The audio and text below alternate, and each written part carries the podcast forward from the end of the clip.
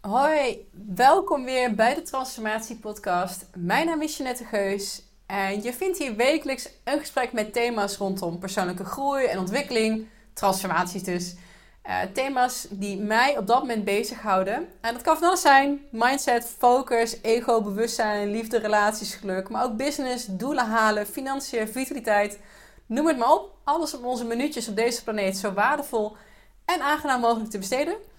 Ik voel me zeer vereerd dat je weer het komende uur anderhalf met mij en mijn gast Jan Bommeré door wil brengen.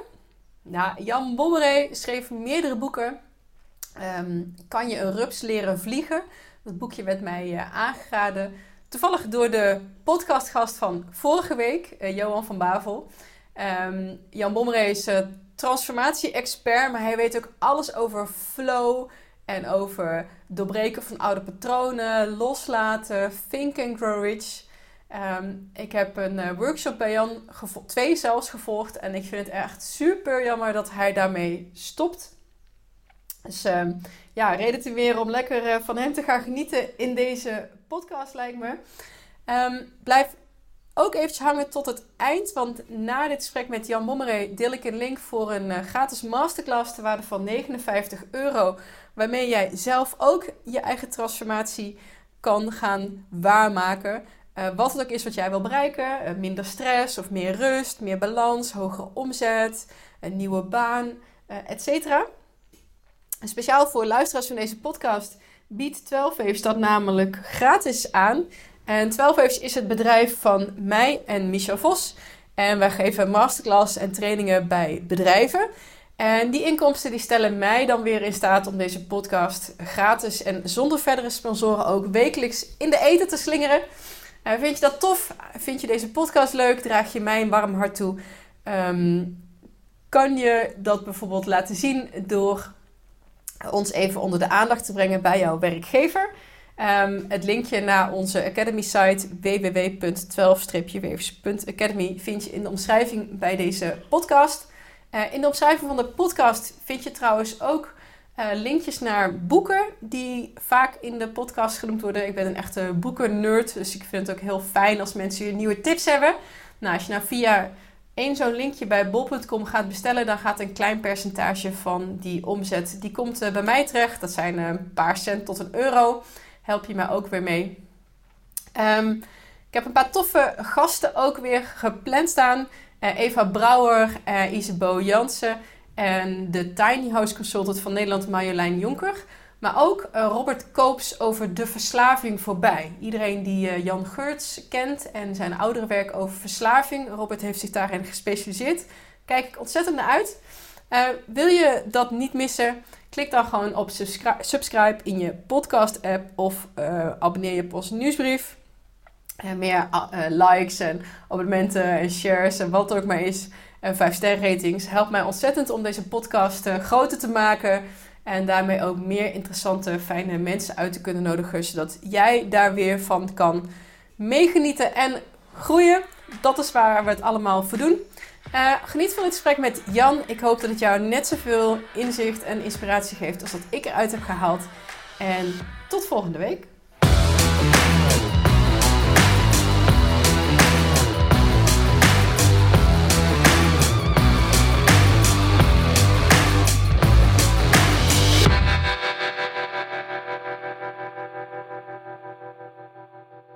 Jan Bommeres. Ja. Daar zit ik dan. Bom oh, oh, oh, Bommeré. Ja, ja nou. veel mensen zeggen Bommeres, maar het is eigenlijk op zijn Frans. Ja, als Nederlander ben je dat toch wel een beetje genegen om daar uh, verbastering van te maken. Ja, mensen denken soms een Z achteraan, dat is Spaans of zo. Maar het is een van oorsprong Franse naam. Oké, okay, nou bedankt voor de correctie. ik zal niet meer fout doen. ja. Maar we zitten hier in Antwerpen. Ik ben blij dat ik je nog eh, te pakken kreeg. Je ja. drukke reisschema heen en weer uh, ja. naar de States. Mm -hmm.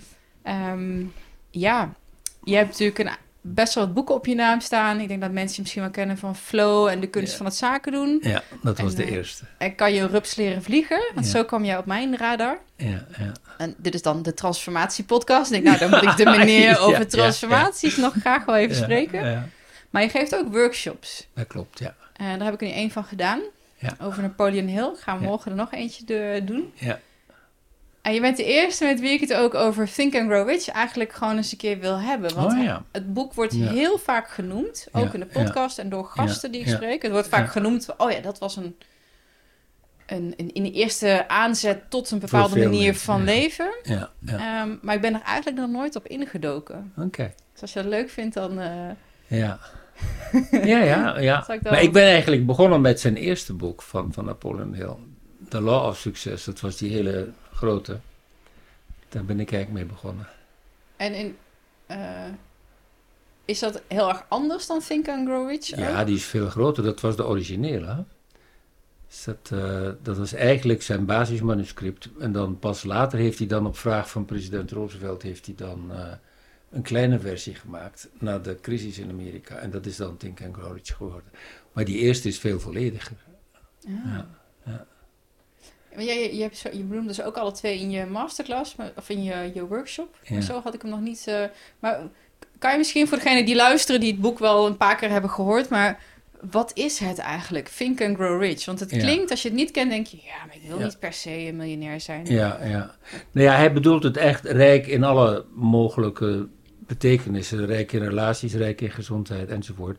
Maar natuurlijk wordt dat heel vaak op zijn Amerikaans gedraaid, eh, dat je miljonair moet worden. Ja. Maar dat is echt niet eh, wat hij ervan maakt. Dus hij geeft daar een definitie in van succes. En die, daar begin ik mee in de workshop ook. Dat succes eigenlijk betekent dat je het leven kunt leiden wat jij wilt leiden. Ja. Zonder dat het ten koste van iemand anders is. Dus dat geeft meteen aan wat, wat ja, het bewustzijnsniveau van die man ook was. En voor die tijd ook behoorlijk vooruitstrevend. Ja, absoluut. Ja, want hij is daar ook behoorlijk op aangepakt op veel dingen waar hij pionier was. Ja. Ja. Kun je daar wat over vertellen? Want dat, dat stukje backstory ken ik eigenlijk ook Oh ja, wel, eh, nou ja, hij was dus eigenlijk een pionier en eh, ja, hij wilde eigenlijk mensen in hun kracht zetten. En dus in die zin was hij ook een ordeverstoorder. En hij schreef ook een paar dingen waar, vooral dan in het Prutse Amerika, je niet moet over beginnen. Zoals bijvoorbeeld, hij sprak over transmutatie van seksuele energie. Nou, dat eh, was in Amerika niet zo welkom. Ja, nog steeds denk ik transmutatie van seksuele energie. Ja, dus dat je eigenlijk die, die creatieve energie uit je buik, dat je die kunt optillen tot, een, tot een hoger niveau. En dat, dus, dat hij dus bij zijn onderzoek ontdekt had dat mensen met zo'n enorme creatieve drive, dat die ook een hele sterke seksuele energie hadden. Nou, dat was eh, op het randje voor Amerika. Dus hij heeft hele zware tegenstand gekend. Ze hebben zijn ruiten ingegooid. Hij is in de pers, werd, werd hij echt als een kwakzalver benoemd. Ehm, en uiteindelijk was het zo erg dat zijn vrouw hem verliet, want ze werden dus laag constant onder vuur. Dus hij heeft daar ook een depressie van eh, gekregen. Oh, van, van hoe zwaar hij eigenlijk, eh, ja, hij bedoelde het heel goed, maar hoe zwaar hij aangepakt is. Dus op een bepaald moment heeft hij zich ook teruggetrokken. En dan is iemand, dat is ook een, een speciaal verhaal, is iemand hem gaan opzoeken. Iemand die een bedrijf had. En die, eh, die had aan zijn verkopers and Grow Rich gegeven. En dat bedrijf groeide als kool. En die man dacht, ik wil die auteur ontmoeten. En hem ook bedanken enzovoort. Ja, en toen vond hij eigenlijk iemand die eh, zich helemaal teruggetrokken had. En toen heeft hij gezegd, nou dat is zo'n verspilling, dat is zo erg. Ik ga je helpen, ik ga je steunen, ik ga je zakenpartner worden. En pas dan is het eigenlijk begonnen. Dus omdat hij dan zelf een mastermind had met iemand die, die zakelijk erg goed was. Die kon organiseren, want hij was meer een, een ja, hij was eigenlijk een journalist hè, en, Ja. en meer een, een filosoof. Ja, een cons- meer een concept Ja. denken dan een commercieel... eh, Ja, en dus. Die, die zakenman die heeft hem dan eigenlijk geholpen om eh, te reizen, om in hotels lezingen te geven enzovoort. En dan is het eigenlijk eh, ook gaan groeien. Dus hij past op die manier eigenlijk ook het principe van de mastermind toe. Ja, ja, en ook grappig hè, dat hij, je schrijft een boek over eh, wat definieert succesvolle mensen, wat doen zij goed Ja. dat de rest niet doet. Ja, En dan toch vervolgens ook zelf, ja, ja. Eh, ja. dat het zo sprekend, denk ik ook. Ja, ja, ja, maar het is ook een van de principes, hè, het overwinnen van tegenwind. Maar hij was dus zo zwaar onder vuur dat hij, dat hij gewoon leeg was. Ja. En het, het, ja, voor, voor hem was het ook heel zwaar dat zijn vrouw hem verliet. Want, eh, Hoe weet je dat? Of hoe, waar komt die ik heb alles gelezen. Ik heb alles gelezen van de man.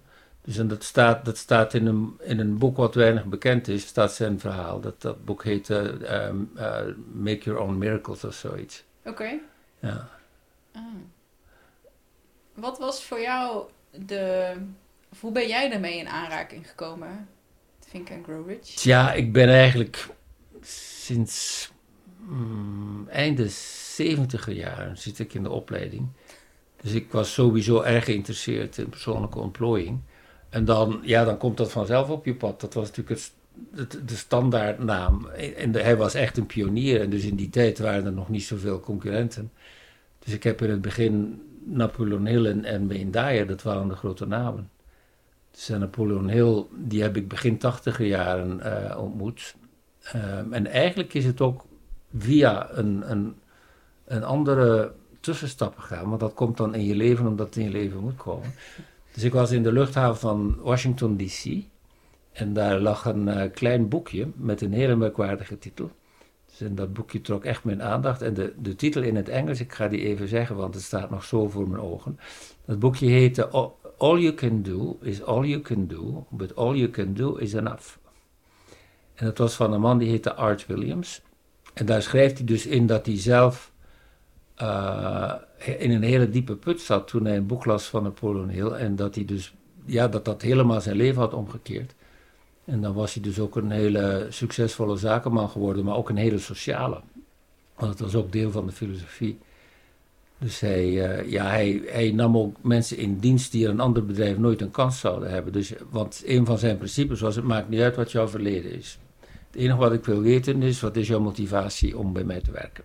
Hmm. Dus ja, dat geeft ook al een idee van dat het een speciale figuur was. Nou ja, en in zeven jaar tijd had hij uh, meer dan 200.000 mensen die voor hem werkten.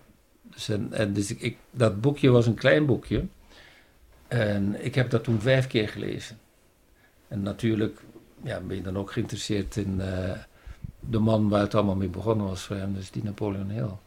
Wat heeft het voor jou gebracht of gedaan? Of wat heeft het voor jou in gang gezet? Ja, eigenlijk vooral dat je het in jezelf moet zoeken. En dat we eigenlijk opgeleid worden uh, om het allemaal met hard werken te doen en om het, om het buiten jezelf te zoeken.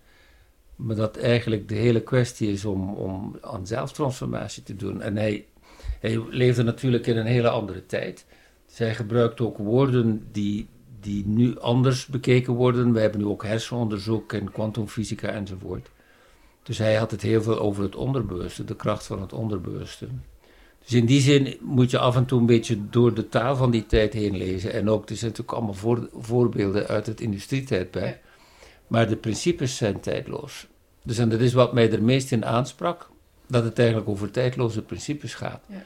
Dus dat is ook een beetje wat je bij Stephen Covey ziet.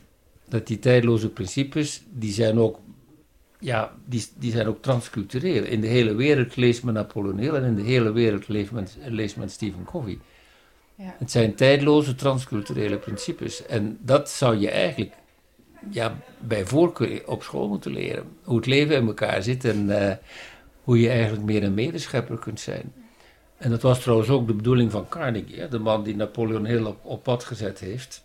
Uh, zijn doel was om iemand te vinden die een boek zou schrijven wat voor twaalfjarigen begrijpbaar was. En dat was dan The Law of Success, dat eerste boek. Ja. ja. ja. Het is wat je zegt, het is eigenlijk zo jammer. Ik heb psychologie gestudeerd, mm psychologische wetenschap. Hmm. Ja, daar wordt het woordje ego komt wel een keer voorbij. Maar in, in dit zinnetje waar ook it, ego, superego staat van uh, Freud. En dat was het dan wel zo'n beetje. Nou, niet helemaal in die mate, maar daar komt het dan wel op neer. En dan ga je verder en dan kom je dit soort materie tegen. En denk ik, hè? Hoe kan het eigenlijk dat dit gewoon niet wordt aangeleerd? Of, ja. En nog steeds voor veel mensen ook wel te spiriwiri of eh, abstract is. Of oh, en zo werkt de wereld niet. Ja, maar dat vind ik mooi dat je dat zegt, want dat is echt waar ik naar streef. Om het heel simpel te maken, heel down to earth, niet zweverig en vooral wat, wat kun je er zelf aan doen. En ook, ik, als jij dus de workshop hebt meegemaakt, dan weet je, ik wil het ook naar het lichaam brengen. Ja. Want voor veel mensen zitten in een abstracte wereld met allerlei. Uh, ja, onrealistische gedachten van hoe dingen werken. Maar je moet echt, we leven op aarde en hier is ook weerstand. Mm. En ja, het, het, het, hele, het hele streven naar, naar, eh, naar geluk is eigenlijk waar het over gaat. Ik denk dat dat, dat uiteindelijk voor iedereen wel herkenbaar is. Dat als je aan mensen vraagt, wat wil je eigenlijk? Ja, gelukkig zijn. En wat is dat dan? Nou ja, relaties. Dat je keuzes kunt maken. En dat is voor mij de functie van, van financiën. Dat je keuzes kunt, kunt maken. Niet dat je zoveel moet hebben dat je niet weet wat je moet doen ermee. Dus ik ben ook niet voorstander van mensen die met 1% uh, de helft van de rijkdom hebben in de wereld. Dat vind ik dan ook weer niet waar het over gaat. Maar als je bijvoorbeeld nooit een vakantie kunt nemen, als je, als je ja, constant onder financiële stress zit, dat is ook geen dan, leven. Ik, ik sprak uh, Remco Klaassen en die had daar ook iets uh, met hem ook over gesproken. Ja, we hebben, wij hebben het allemaal over groeitools. Ja. Mm -hmm. uh, maar je kan helemaal niet nadenken over groeitools als jij ja. je hoofd niet boven water kan houden. Dan, dan... Ja. ja. Ja, dat is het, het oude verhaal van Maslow. Hè? Als je basisbehoeften niet in orde zijn, komen de ontwikkelingsbehoeften ook niet aan de orde. Ik weet dat ik ook met Remco ook over heb gehad. En nog steeds hoor dat ik mijn vader probeerde uit te leggen. Het verschil tussen komen vanuit overvloed en liefde en ja. schaarste en angst. Maar dat Ja. was zo... Ja. Dat, dat vond geen... Dat bekleef niet. Dat, dat, dat kwam totaal niet binnen. werd zelfs een beetje van... Is dat net voor onzin? En niks, niks nadeel van mijn vader. Maar Ja, ja. ja, als je daar totaal dat perspectief... Ja, past dus gewoon niet op de... Waar hij zich mee bezig hield. Wij moesten gewoon staande houden. Dan ben je niet bezig met, eh, met die thema's. Kom je dat ook wel eens tegen? Maar goed, in jouw workshops zitten waarschijnlijk mensen die Ja, ik, ik, heb, zijn. ik heb een heel bewust publiek, dus wat dat betreft eh, ben ik een, eh, ja, iemand die heel veel geluk heeft, wat, wat een geweldige mensen naar mijn workshops komen. Dus zijn mensen die al leerbereid zijn, die al met bewustzijn bezig zijn. Dus Ja. dat maakt het allemaal, het leerproces helemaal anders. Maar ik heb dat vroeger wel meer meegemaakt. Dus een, eh, ik zit al heel lang in, in dit werk. Dus in de ja, einde 70 jaar. Ik ben eigenlijk begonnen in 74 met opleiding geven. Dus dat is al een tijd geleden. Nooit beu geworden? Nee. Zo nee. ik ga iets anders doen. Nee, maar het is ook, als je daar zelf interesse in hebt, blijf je leren. Ja. Ik denk ook, ik, ik besef soms niet hoeveel ik weet. Ja, En, en dat je eigenlijk al je hele leven bezig bent. En dat je ook ziet dat het steeds eenvoudiger wordt. Want hoe meer je leest, hoe meer je weet wat je niet weet. Maar ook hoe meer je ziet dat het eigenlijk over die universele principes gaat. ja, En ja, soms moet je heel veel omwegen maken om, om, om het pad te vinden wat voor jou klopt. ja, Maar dat hoort er dan bij. Dus dat zeg ik ook, het pad verliezen hoort bij het pad. ja. ja. Misschien wel een voorwaarde ook om op een pad te kunnen zijn. Ja, je moet bereid zijn eh, het pad te verlaten. En dan, ja, dan ga je soms verloren lopen. Maar dat zijn dan vaak hele interessante leerprocessen. Wat was voor jou daar een, een, een goed voorbeeld van? Als ik dat mag vragen? Van, Het pad weer even verliezen wellicht? goh, ik denk, ik denk wel eh 30 voorbeelden. Ja, Ja, natuurlijk, om, om zo meteen een voorbeeld boven te halen. Moet even, even denken hoor. Van, ja, ik heb bijvoorbeeld, om één voorbeeld te geven, er was een van die lessen van Napoleon Hill gaat over financieel beheer. Nou ja, toen ik als jonge ondernemer verdiende ik heel veel geld, maar ik budgetteerde niet. Dus ehm, ik vond heel veel dingen interessant, maar budgetteren niet, want ik verdiende toch genoeg. En dan ging er iets fout. En dan eh, ja, ben ik onderuit gegaan Hmm. omdat je niet, eh, je hebt geen reserves. Je, je, ja, je denkt eigenlijk, het kan nooit op. Het is altijd, altijd weer, de volgende keer eh, wordt het weer even goed. Ja. En als het dan fout gaat, dan ben je daar niet klaar voor. Maar daar heb ik wel heel veel van geleerd. ja precies. En Ja, daarin ook de principes van Napoleon Hill ook zelf weer toegepast? Ja in ieder geval, ik had het al van Napoleon Hill geleerd, maar dat stuk nam ik niet serieus. Zo'n boek vol met hele goede tips, maar dat stuk, nee. ja, ja. Wel weer leuk. Nou ja, dat is, ik had het ook thuis nooit geleerd. Dus ik denk, als mensen dat thuis geleerd hebben, dat je daar echt heel dankbaar mag voor zijn. Dus ik las, een jaar of twee geleden las ik een onderzoek bij, bij tieners in, in Vlaanderen, waar ze vroegen, wat zouden jullie eigenlijk in de middelbare school willen leren? En dat was een van de hoofdthema's, leren met geld omgaan. Dus ik was er eigenlijk wel van verrast. Maar, maar makes sense, hè? de maatschappij eh, draait toch nog altijd rond de economie. Jammer genoeg, niet rond de ecologie. Ja, ja, ja. Maar het is wel zo dat als je niet met geld leert omgaan, ja, dan kun je zware prijs voor betalen. Ja. En t- ja, nu, dat zo zegt, daar zelf ook wel eh, schuldig aan. Ik dacht toen ik aan het studeren was, ah, psychologie is een universitaire studie, dat zal later toch allemaal goed gaan. Volle bak leen natuurlijk bij de eh, studiefinanciering. Ja. Ben ik nu nog aan het afbetalen. En het is, maar soms denk ik van. Hm. waarschijnlijk is het me wel verteld, maar heeft het ook gewoon te maken met onze cognitieve functies die gewoon nog niet Ja. helemaal uitontwikkeld zijn. Ja, Dat ja. ook iets is wat misschien niet bij alle kinderen. Nou ja, als kind heb je natuurlijk zelf geen financiële zorg, maar je ouders zorgen voor alles. Nou, maar als kind heb je ook zakgeld. En, Ja, en kan je, heb wel. je ook een ja. telefoon. Dan heb je een telefoonrekening. Ja, heel veel maar dus als je daarin begeleid wordt, is dat eigenlijk wel een geweldig geschenk. Dat je leert, leert bewust daarmee omgaan. En je kan ook kinderen verwennen, hè, dat, ze, dat ze eigenlijk niet leren budgetteren. En misschien ook wel, als we terugkoppelen naar dat stukje bewustzijn ook, van wat is geld eigenlijk? Ja, Geld is, dat was voor mij een hele grote openbaring. ja, Geld is energie. ja. ja. En een tekort aan geld kan je ook zien als een energielek. En kan je dus op een heel ander level daarnaar kijken. En dat was wel, ja. denk ik, goh. Dus. Daar, daar navigeer ik nu wat meer op. Ook ja, we zeggen het wel heel stom, maar follow the money. Maar gewoon, ja. Het maar is het is ook- eigenlijk ook, in de, als de economie een lichaam is, is het de bloedstroom. Hè? ja. Dus het is eigenlijk wel iets vitaals, maar het heeft natuurlijk ook een, een nare bijklank door het misbruik met geld. Hè? En, en door de machtsverhoudingen en hoeveel mensen eigenlijk ja, so- sociaal tekort, tekort gedaan worden. Dus het is een onderwerp wat ook zwaar beladen is. Hè? Seks en geld en religie, je- daar, daar heb je er drie om ruzie over te maken. en politiek dan Ik wou net zeggen, politiek, Ja, milieu politiek. misschien ook nog wel tegenwoordig. ja, maar ja, ja. Wat, hoe, hoe is het boek, eh, hoe is Think and Grow Rich eigenlijk samen te vatten? Ja, samenvatten Nou is, ja, een, is een beetje moeilijk, maar wat ik wel kan zeggen is dat het uiteindelijk allemaal over hetzelfde gaat. En, en dat is dat we eigenlijk mensen zijn die in verbinding leven met het onzichtbare. En dat het onzichtbare de wereld van het potentieel is, maar dat we daar niet leren mee omgaan. En dus de wereld van de zintuigen is eigenlijk de wereld van de beperking. De begrenzingen zijn allemaal in de buitenwereld. Het, het onbegrensde zit in ons. En dat is uiteindelijk het hoofdthema waar Napoleon over praat. Hij noemt dat de oneindige intelligentie van het leven.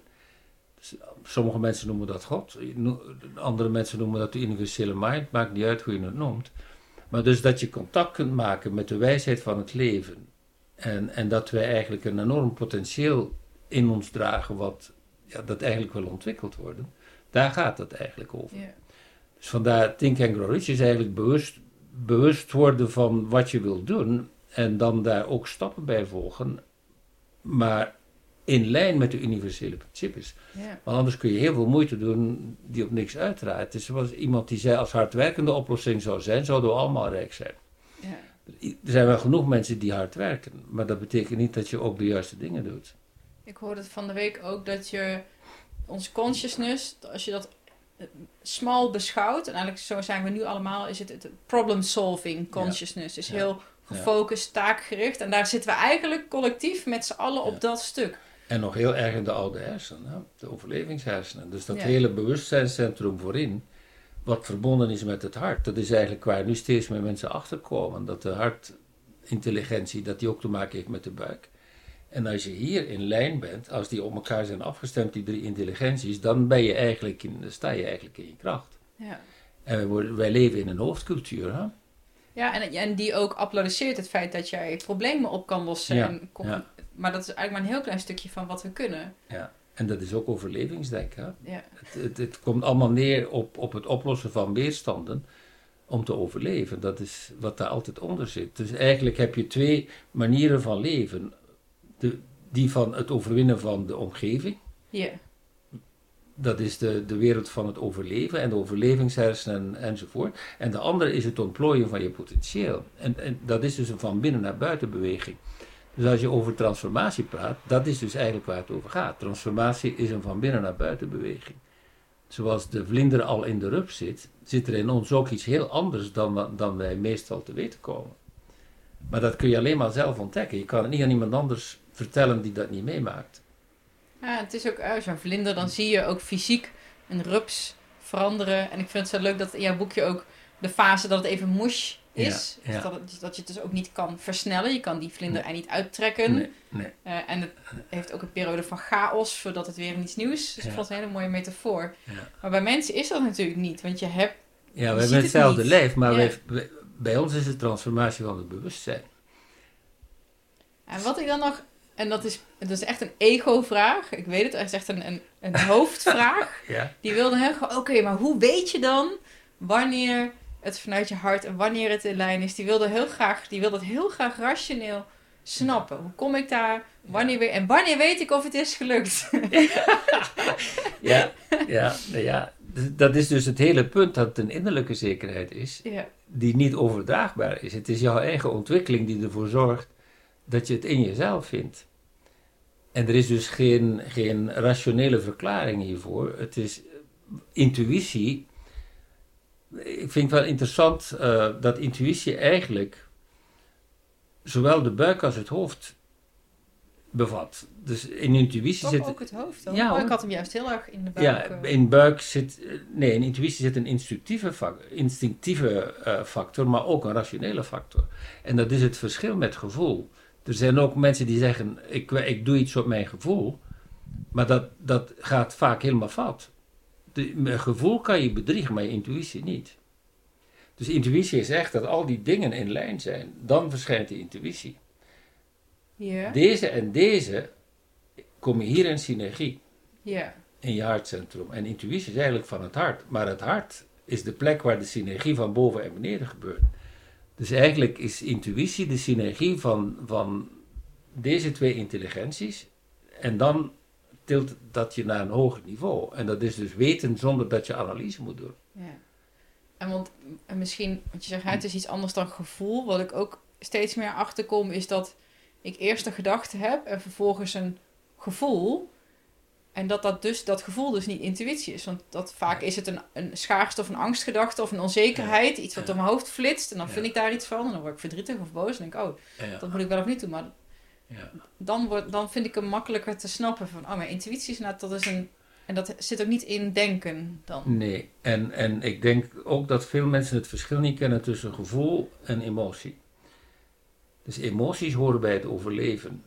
Emoties zijn overlevingspatronen. Dus boosheid hoort bij vechten en angst hoort bij vluchten. Dus alles wat te maken heeft met, met instinct, zonder dat de rest erbij is, is eigenlijk overleven. Dus- En intuïtie is instinct. en intuïtie zit wel instinct bij, maar het is meer dan instinct. Het is instinct wat, dus de lichaamswijsheid, eh, maar die niet emotioneel gedreven is. Het is eh, moeilijk om het allemaal in woorden te beschrijven, maar gevoel, gevoel iets als, als liefde en vrede, dat zijn geen overlevingsemoties, dat zijn gevoelens. Dus dat, dat onderscheid, dat, zelfs in het woordenboek worden die woorden synoniem, eh, als synoniem beschouwd, gevoel en emotie. Dus je hebt sensatie, gevoel en emotie, dat is allemaal voelen. Hmm, Maar het zijn andere energieën. Ik probeer even terug te denken wat er tijdens mijn studie dan ook alweer over werd verteld. Voor, wel heel duidelijk, hè, die emoties gelinkt aan overleven. En de zeven basisemoties die we ook in alle soorten gezichten kunnen herkennen. Ja, ja, Boosheid, verdriet, blijheid, Ja. afschuw, ja. dat soort dingen. Ja. En volgens mij, ik weet dan niet, een gevoel is een wat minder alles of niets. eh, dat is wat subtieler, heeft veel meer nuances. Maar ik, ik kan even niet meer terughalen waar het hem dan. ja. Nou ja, ik zeg altijd, gevoel is van jezelf, emoties zijn van je lijf. Mm, Emoties hebben met overleven te maken en gevoel heeft meer met je ziel te maken. Dus het gevoel voor schoonheid is geen overlevingsemotie. oh ja, ja. Dus esthetiek, eh, hoe je bijvoorbeeld helemaal ontroerd kunt worden van een zonsondergang, dat is geen overlevingskwestie, maar het is wel een gevoelstaat. ja. En in hoeverre kan je, moet je je dan daar wel of niet door laten leiden? Als we het net hebben over hè, afgaan, in flow bewegen, Ja. op je intuïtie eh, afgaan. Ja, ik denk dat ju- juist daarom dat dat stuk ratio daar ook bij speelt. Dus dat je, als je gecenterd bent, dan kom je eigenlijk vanuit de stilte. En ik denk dat dat eigenlijk de factor is waar je het, het onderscheid kunt maken. Dat intuïtie eigenlijk oprijst uit de stilte, net zoals echte inspiratie ook oprijst uit de stilte. Dus daarom, ik focus al mijn workshops op leren bij die stilte komen. En, en vanuit, vanuit de stilte kijken naar de wereld, want dan kom je niet vanuit je patronen. Ja. Zodra je door je filters kijkt, word je door emoties gedreven. Want al die patronen hebben te maken met emoties. En met overleven. Wat ik heel, ik vond heel, wat mij heel erg aansprak in de, de Napoleon Hill workshop, Ja. is dat je eigenlijk aansluit op een moeiteloosheid. Ja. Uh, een andere manier om te zeggen, hè, in flow, maar gewoon een, een moeiteloosheid, moeiteloze manier van leven. Ja. Ik denk dat dat een heel mooi streven voor mezelf ook is. Ja, ja. Ja, ik heb mensen die naar de, naar de training gekomen zijn, die, die daar ook echt hun thema van maken in hun leven. En die zeggen, ja, alles verandert als je zo kijkt, want je maakt hele andere keuzes ook. Dus je kunt je ook aan jezelf afvragen, is dit een moeite die ik wil, die, die klopt met mijn doelstellingen? Of, of word ik daar moe van of word ik daar blij van? Dat zijn hele interessante vragen. Krijg ik daar energie van of niet? Ik denk dat dat een hele, een hele belangrijke vraag is. Als je energie krijgt van iets, dan klopt het. Als het energie kost, dan klopt het niet. Ja, en dan toch, scepticus, denk ik, ja, maar we moeten toch ook gewoon hard werken en moeite doen en eh, komen maar, tegenslagen. Maar moeiteloosheid betekent niet dat je geen moeite doet, maar dat je de juiste moeite doet. Oh. Het is eh, afstemming heet het, hè? Flow is een staat van afstemming, het is een staat van synergie. Dus je doet wel moeite, maar het is, het is, het is eigenlijk spontaan handelen. En dat is iets heel anders dan, dan tegen de weerstand vechten. Het is van binnen naar buiten leven. En, en juist daarom word je ook geleid van binnenuit. En, en ja, mensen die dat niet meemaken, weten niet waar je het over hebt. En daarom is het ook geen, geen uh, denkthema. Je moet het zelf ervaren. Dat als je stil wordt, dat je intelligenter wordt. En als je heel hard in je hoofd zit, dat je eigenlijk in je patronen zit. En in je hoofd, en stil zijn is alles behalve stil zijn. Ja, ja. dat kan daar heel erg chaotisch uh, ja, zijn. Ja. ja.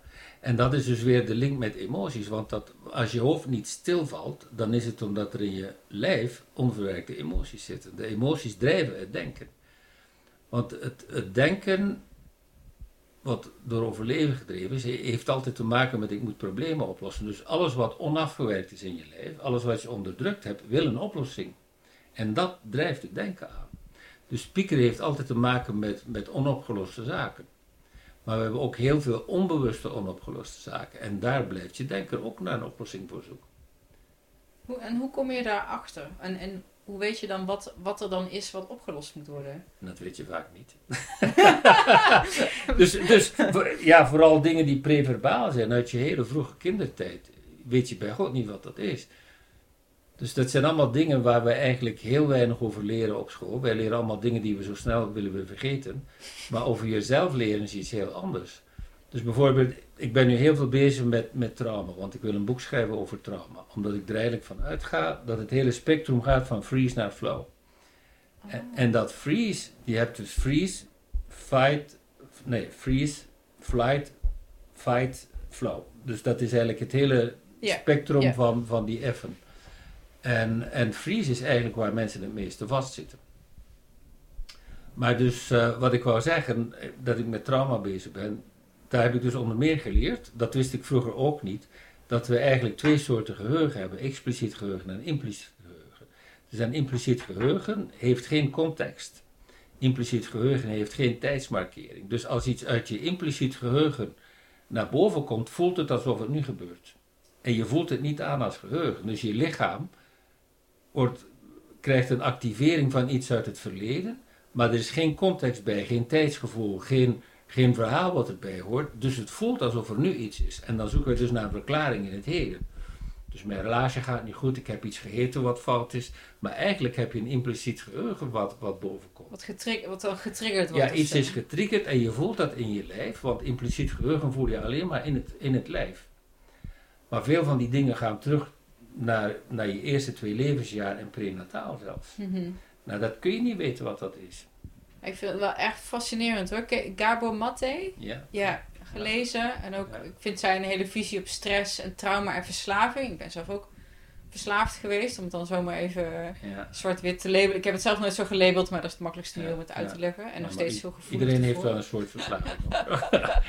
ja, aan suiker is ook een verslaving. Ja, koffies, televisie, telefoon zijn natuurlijk ook allemaal werk. zijn natuurlijk allemaal vormen van verslaving. Dus ik vind het bijzonder fascinerend, maar ook totaal ongrijpbaar. Want het lijkt ook een soort van bol touw wat je probeert te ontwarren, wat gewoon niet te ontwarren is. Omdat je bent op zoek naar het beginpunt, zeg maar. En dat lijkt, het is ook geen toeval dat, dat het labyrint gebruikt wordt als symbool voor de mind. Hè? Het is een labyrint. Er zijn zoveel dingen die door elkaar lopen en zoveel doodlopende straten eh, die in je zitten. En dus die, die hele zoektocht naar jezelf is eigenlijk het zoeken naar het midden van het labyrint, naar jouw centrum. Ja, Maar wat we dus steeds meer leren is dat je rechtstreeks naar het centrum kunt gaan. Als je stil wordt, ben je in dat centrum. Dus je hoeft niet door denkprocessen te gaan, je moet het denken voorbij gaan. En dat is altijd mogelijk, hier en nu. Dus dat is voor veel mensen is dat in mijn workshop de eerste keer dat ze dat meemaken, dat ze helemaal stil worden, zeggen wat is dit? En er zijn mensen die gewoon sprakeloos zijn, die, die geen woord meer kunnen uitbrengen. Maar het is ook toch, want dan kom je op de, in de hoek van de, de mystieke ervaring. Ja. eh, ehm, dat een van de kenmerken is toch ook dat het niet in woorden uit te drukken Ja. is dat je daar bent. Want het is voorbij taal. Maar dat is ook wie wij zijn, is niet in woorden uit te drukken. Dus zodra je wil de vraag beantwoorden wie ben ik, zit je fout. Wat, wat ben ik? Wat, ja, je kan het niet benoemen. Hmm. En wij, de mind wil dat benoemen. Dus zodra je iets benoemt, is het een object. En wij zijn geen object. Ja, ja, alle twee tegelijkertijd. Ja. Nou ja, het object is, is, iets, is, een, is een tool. Wij, wij leven doorheen het lichaam. Maar wat wij zijn, is immaterieel. En, en er zijn ja, ook zoveel verwarringen over en ook zoveel woorden die, die zwaar beladen zijn. Eh, ja, religie heeft daar vaak een hele negatieve rol in gespeeld. Dat veel mensen een afkeer gekregen hebben van, van allerlei dingen. Om, omdat ze die op een dogmatische manier geleerd hebben en niet ervaringswijs. Maar dus de, de spirit in jezelf vinden is iets heel anders dan, dan een, eh, een boek lezen eh, over, over iets wat duizenden jaren geleden gebeurd is. Hmm. En die trauma's, hè, ik vind- als je het leuk vindt, ik vind het wel leuk om Mhm. daar dan even op in te Ja. zoomen. W- Wat voor soort trauma's zijn dat dan? Die we, want het klinkt heel heftig, oh misbruik of, of verwaarlozing. Ja, maar dat is dus een van de misvattingen. Een van de minst begrepen trauma's, waar heel veel mensen last van hebben, heet complex trauma. En complex trauma is eigenlijk vele kleine dingen bij elkaar die ook traumatisch worden. En complex trauma wordt dus ook relatietrauma genoemd. Dus bijvoorbeeld wanneer je in je kindertijd een, een onveilige hechting gehad hebt, dat Ja. is een complex trauma. En je hoeft dus nooit iets heel eh, geen shocktrauma gehad te hebben Ah, ja. om, om getraumatiseerd te zijn. Dus als je bijvoorbeeld eh, niet gezien geweest bent, dat is traumatisch. Als je basisbehoeften van veiligheid en, en, en verbinding niet ingevuld zijn als kind, dat is traumatisch. Maar dus ook een toxische relatie bijvoorbeeld is traumatisch. En veel mensen hebben trauma door een werkomgeving, waar een toxische werkomgeving is traumatisch. En dat, dat is complex trauma. Dus als je één keer geplaagd wordt, dat is niks. Maar als je constant gepest wordt, dat is traumatisch. En dat hoeft nooit één shocktrauma te zijn, waar je dus echt fysiek eh, aangepakt wordt. Maar allemaal zo van die steken. nou, ja, ja. Dus als je daar genoeg van hebt, dat is ook traumatisch. Dan zijn we toch eigenlijk allemaal getraumatiseerd. Zonder meer. zonder meer. Zonder meer. Ja. Dus en dat is waar ik ook mee bezig ben, dat er eigenlijk zoveel vormen van trauma zijn die totaal buiten, buiten zicht zijn, waar mensen wel last van hebben. En, en Reich die gaat eigenlijk nog verder, die praat over pansering. Dus je hebt, in trauma zit altijd freeze, maar Reich zegt alle pansering is eigenlijk een belemmering van die flow, van die vrijheid die je eigenlijk bent. Dus bijvoorbeeld als je jezelf niet kunt uiten, elke keer opnieuw kun je je waarheid niet zeggen, dat is traumatisch. Hmm. Dus dan zit je met heel veel in je keel bijvoorbeeld. Heel veel mensen zitten met heel veel in de keel. Nou, dat is geen trauma in de Dat zin hier... dat het hier dicht zit, hè? Ja, oké. Of dat je gewoon dichtklapt, bijvoorbeeld. Oh ja. Nou, dat, dat is dus niet een shocktrauma, maar het is wel wat, wat dan pansering noemt. Het is ook een vorm van freeze, maar beetje bij beetje. Dus als je bijvoorbeeld opgevoed bent in een autoritaire omgeving, dat is traumatisch. Want je mag niet spreken. Dus tegenwoordig worden kinderen veel meer opgevoed in gesprek. Maar er is toch nog altijd op veel plekken een omgeving waar je eigenlijk niet, niet mag zeggen wat jij vindt. En ook in de werkomgeving. En, en dan ben je op een punt in je leven dat je denkt: hé, hey, ik lo- wa- waar merk je aan? Wat voor signalen kan je, of wat voor hulpvragen hebben mensen eigenlijk die. Als ze, hiermee, als ze hiermee aan de slag gaan, wat is een beetje een, in- een algemene ingang om Nou ja, ik denk dat mensen zo weinig bewust zijn van waar het vandaan komt, dat, dat ze eerst moeten ziek worden, eer ze weten dat er iets aan de hand is. Ja. Of ook de angst om je baan te verliezen en zo. Dus ja, het is, het is een complexe materie, want eigenlijk is het een systeemprobleem. Wij hebben eigenlijk een, een traumatiserende cultuur. Ja. Dus dat kan je niet in 1, 2, 3 oplossen, maar naarmate je bewust wordt, maak je wel keuzes van in welke relaties je wil zijn en welke niet. Ja, want we hebben het allemaal. In die zin zijn we allemaal gewoon menselijk. Ja. En dat is ook wel, Ja. dat ontslaat denk ik veel mensen ook van een bepaald schuldgevoel. Van, oh, we zijn allemaal getraumatiseerd. Ja. Ehm, maar goed, dan, dan kom je dat tegen. Dan heb je je burn-out gehad, of je ziekte, of, Ja. of, of een, een ontslag, of een Ja. depressie. Ja. Dan ga je aan de slag. ja. Dan wil je graag. Is het dan, moet je dan echt naar dat begin, naar dat begin van dat stukje touw? Of, of maakt dat dan niet zo heel veel uit? Ik kan je alleen maar mijn, mijn ervaring vertellen. Is, bij mij is alles beter geworden toen ik beter voor mijn lijf ging zorgen. En dat ik meer ging in mijn lijf zijn. Dus heel veel benaderingen overzien eigenlijk het belang van het lijf. Maar als je dus weet dat alle blokkades in je lijf zitten, waar, waar stop je dingen weg? Niet in je hoofd. Je Nee. stopt dingen weg in je lijf. Dus op het moment dat je, dat je blokkades begint op te lossen in je lijf, komt die stroom weer vrij. En flow is uiteindelijk de levensenergie die door ons stroomt. Dus en je noemde daarnet, ik wil even terugkomen op iets wat je zei, eh burn-out. Dus ik las laatst iets en dat heb ik eh, ook op mijn Facebook gezet en heel veel mensen hebben daarop gereageerd, dat burn-out eigenlijk een trauma is. En als je het als trauma behandelt, genezen mensen dubbel zo snel. Echt waar? Ja, dus het is net een onderzoek van een, eh, een Vlaamse professor wat in de pers stond. En, eh, dus zij behandelt mensen met, met traumatherapie die in burn-out zijn en die zijn dubbel zo snel weer aan het werk. Wat is, wat is, wat is dan traumatherapie ten opzichte van een, een Ja, bijvoorbeeld, zij past bijvoorbeeld EMDR toe bij mensen met burn-out. En mensen genezen veel sneller. Dat is grappig, want ik dacht dat EMDR juist was dat je naar een specifieke scène, situatie, handeling, plek terug kan gaan. En dat kan desensitizen. Ja, Terwijl ja. je denkt, een burn-out is eigenlijk een complex trauma. ja, nou ja, ik ken niet de, de details van hoe zij dat doet. Ik heb alleen dat, het, het artikel gezien en ik heb het zelfs... Ik kan, Nou ja, ik kan even, mag ik deze even neerleggen? Ik ga, even, ik ga het even nemen voor je, want ik denk dat het hier... Nee, ik vind het heel interessant.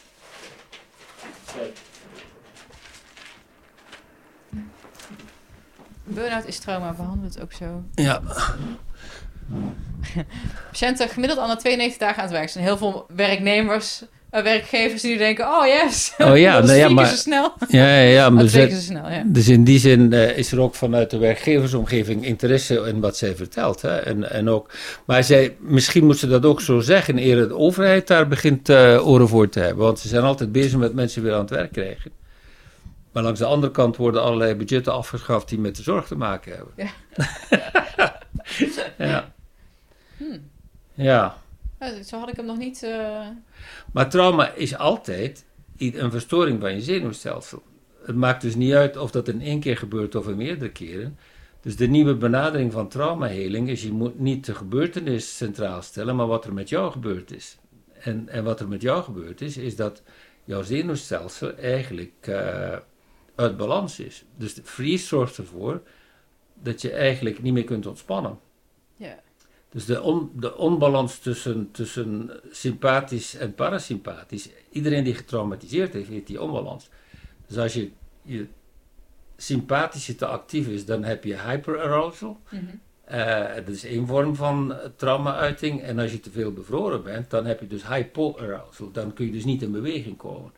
Maar het is altijd eigenlijk ge- gelinkt aan je sympathische en je parasympathische zenuwstelsel. Dus en natuurlijk, de hersenen horen bij het zenuwstelsel. Dus wat men dus steeds meer doet, is het zenuwstelsel behandelen.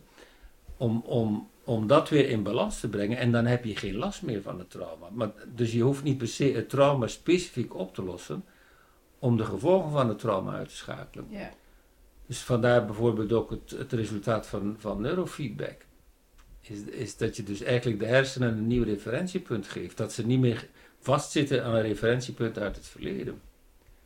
Van wat je net zei, hè, dat, dat eh, hyper- en hypoarousal. Ja. Ehm, kan ik dat linken aan wa- wat Gabor Maté dan noemt over hè, stress? Eigenlijk ben je gestrest. Mhm.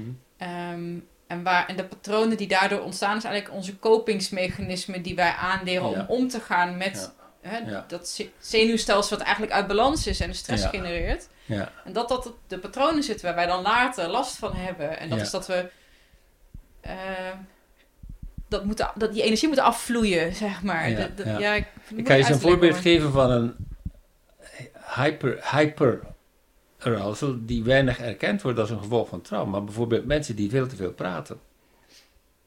Mensen die niet kunnen, kunnen stil zijn. Dat, dat, dat wordt niet gezien als, als iets wat te maken heeft met trauma. Maar er is eigenlijk een energie, dat heel vaak zit daar vechtenergie onder. Ja, Boosheid is een energie die eruit wil, maar sociaal kun je dat niet als boosheid uiten. Maar die energie blijft maar duwen om, er om, om buiten te komen. Dus mensen hebben dat vaak, uiten ze dat door heel veel te praten. Maar heel veel praten zorgt er ook voor dat je niet moet voelen. Dus trauma heeft ook te maken met dissociatie. En niet willen voelen wat in je lijf zit. Dus heel veel in je hoofd zitten kan ook een, een gevolg zijn omdat je te veel pijn in je lijf hebt. Dus er zijn zoveel elementen en daarom wil ik erover schrijven. Zoveel mensen weten niet waar ze last van hebben. En men behandelt in onze zorg heel veel de fenomenen, maar niet de mens. ja. Dus het hele systeem is eigenlijk verstoord door trauma. Nou, wat ik het mooie vind, is dat je dus niet per definitie, wat jij zegt, dat trauma hoeft te analyseren, uitgraven, oplossen. Want dat kan niet, want dat is gebeurd. Het is voorbij. Maar je kan Ja. wel je, je lijf weer in Ja, balans brengen. dus niet wat gebeurd is, maar wat met jou gebeurd is. Ja. En dat is een geweldig onderscheid. Dus in mijn lijf kan ik dingen herstellen. Ik kan niet herstellen wat gebeurd is.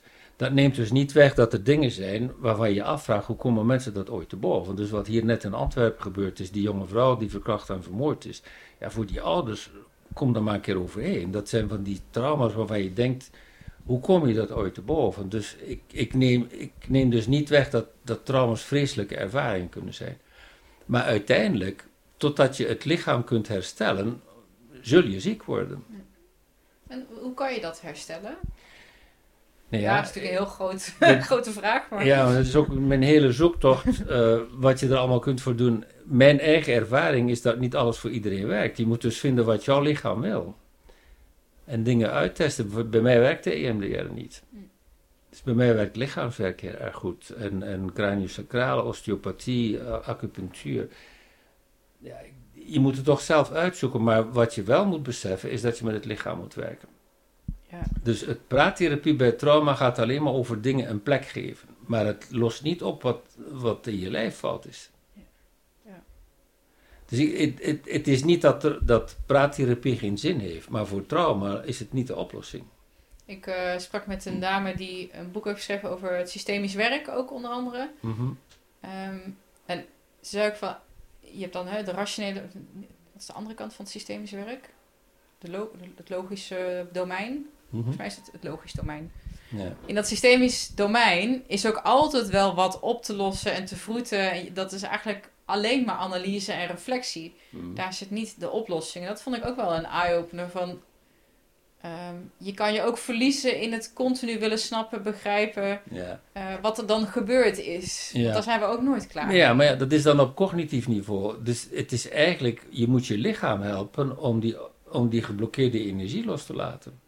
Dus trauma-energie is eigenlijk vecht- en vluchtenergie die bevroren is. Hmm. Eigenlijk is het in wezen is het simpel. Dus wanneer, wanneer ik wil vechten, ik kan niet. Mijn volgende fase is ik wil vluchten. Ik kan ook niet. Dus dan bevries ik. Maar ik bevries dus ook mijn vechtenergie. En dat is eigenlijk de trauma-energie die in je lijf zit. Dus iets zit in je lijf wat eruit wil.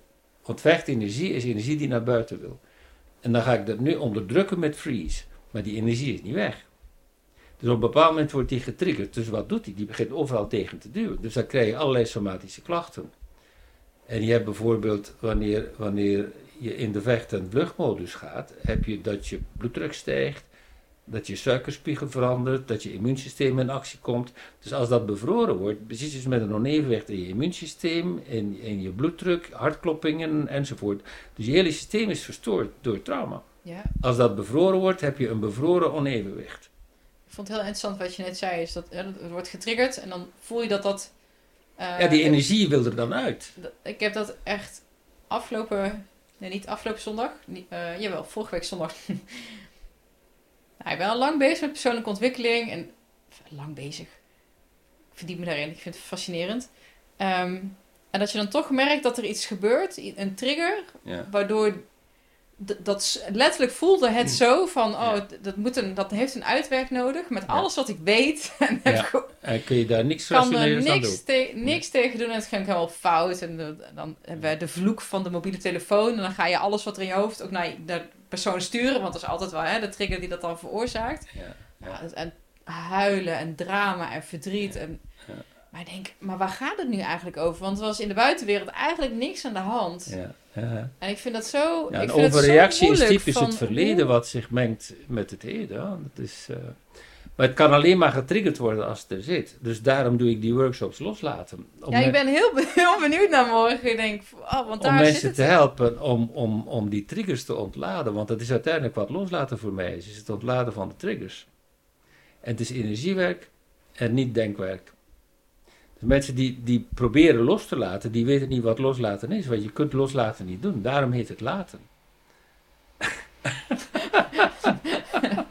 Ja, nou ja, maar precies. Op, op dat moment, die zondag, ik zie het ergens ook van een afstandje. Zie ik het gebeuren. Het duurde geen hele dag overheen. Er zat een eetbui bij, in een ruzie en, en tranen. En Ja, nou, het ging echt van kwaad tot erger. ja, Dan dacht ik, ik weet eigenlijk wat ik zou moeten doen. Maar ja, het lukte niet. En dan denk ik, ja.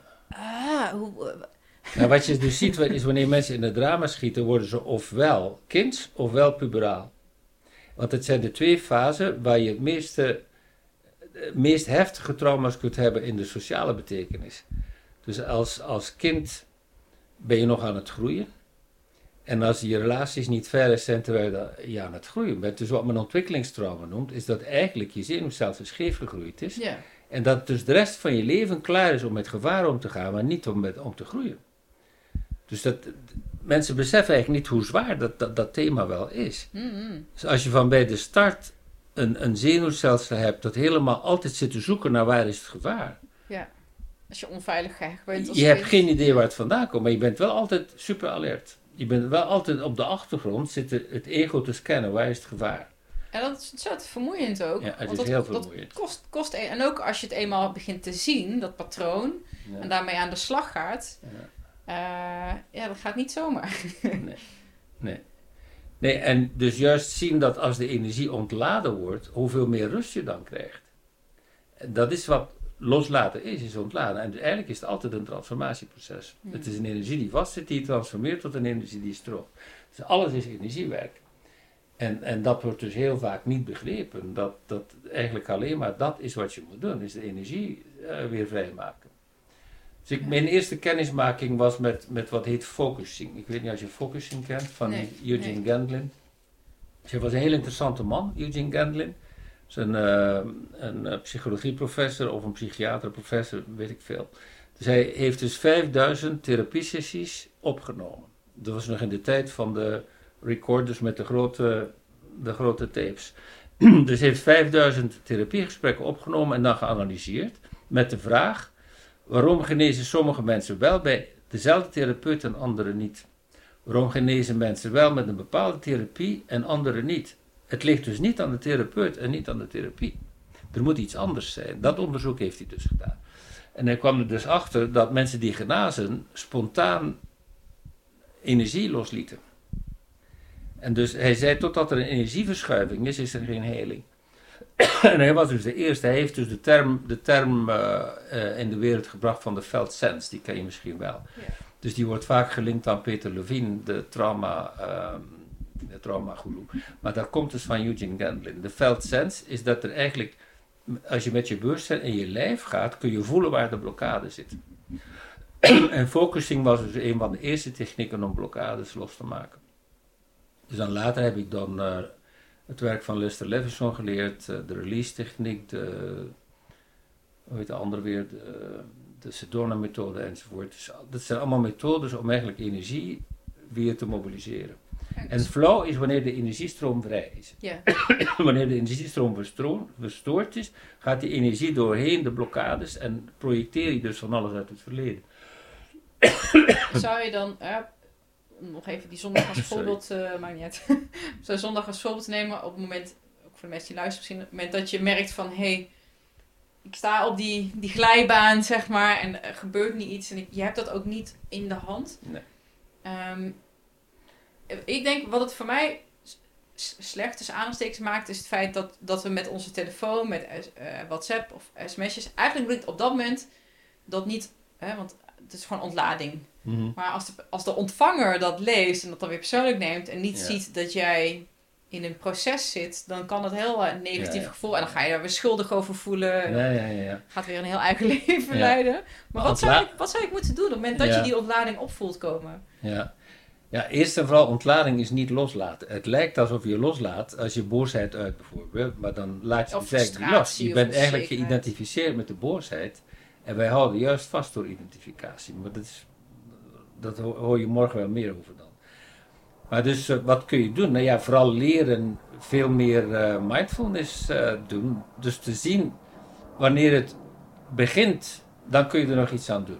Wanneer het eenmaal momentum heeft, kun je er niks meer aan doen. Nee, dan is. Dus er is een- de dekens gaan liggen en hopen dat... Ja, dus er is een, een hersenonderzoeker en die heeft dus gevonden dat informatie die via de zintuigen binnenkomt, eerst naar de emotionele hersenen gaat en pas een 25 seconden later gaat hij naar de cortex. Oké. Dus met andere woorden, wij worden eerst geactiveerd in onze emoties en pas een 25 seconden later kunnen we daarover nadenken. Maar als, als dus, dat gaat zo snel dat als je dus niet in de gaten hebt, de emoties overnemen en je denken meteen dramatisch wordt. Ja. Dus het enige wat sneller is dan een 25 seconde is presence. Dus in de mate dat ik presence train, kan ik zien dat het proces begint. En als het begint, kan ik er nog iets aan doen. Ja. Dus één keer het mij overneemt, ben ik geïdentificeerd met de emotie. En dan kan ik ook niet meer waarnemen. Dus ik moet het zien als het begint. En dat is de training, Ja. waar, waar mindfulness dus wel heel zinvol is. En dus steeds veel meer mensen zijn dus wel bezig met mindfulness training. En wat, wat- ik je ook nog wilde vragen is dat eh, in die, die Napoleon Hill eh, workshop heb je het over, dat gebruik je ook dat eh, infinity symbol en het midden Mhm. daarvan is eigenlijk is stilte. waar het stilstaat, ons, ons potentieel, Ja. potentieel veld. Ja, ja. Hoe verhoudt zich dat tot uitspraak als alles is altijd in beweging en alles is energie? Want dat lijken even twee tegenovergestelde. Ja, het lijkt, maar het is niet zo. Dus het, midden is potentiële energie en die beweegt niet. En, de, en de, het lemnisaat is de beweging. Dus de beweging gaat door het midden. Maar het midden zelf beweegt niet. Dus die twee spreken elkaar niet tegen. En wij moeten dus leren dat niveau van de stilte. Om daar te leven, dan gaat de beweging door ons heen. Wanneer wij niet in de stilte zijn, worden wij door de beweging meegenomen en dan leidt de beweging ons. Er zijn oude patronen hebben momentum. Zodra zo'n patroon geactiveerd wordt, hebben we niet in de gaten, wordt het patroon leidend voor ons gedrag en ons denken. Ja. In de mate dat je in het midden kunt binnen, in de stilte, kan de energie door je komen zonder dat je identificeert. En hoe oefen je dat? Behalve eh, bijvoorbeeld hè, mindfulness of want er zijn Ja, meerdere, meerdere manieren. zit er, zit er niet op dan, dan te leren die stilte om daar te verankeren. En dat is oefenen. En dus ook, wat dus mensen vaak ook niet beseffen, is dat je eigenlijk fysiek moet transformeren om dat goed te kunnen. Oké. Dus jouw zenuwstelsel moet eigenlijk veranderen. Dus het hele onderwerp van neuroplasticiteit is heel interessant. Hmm.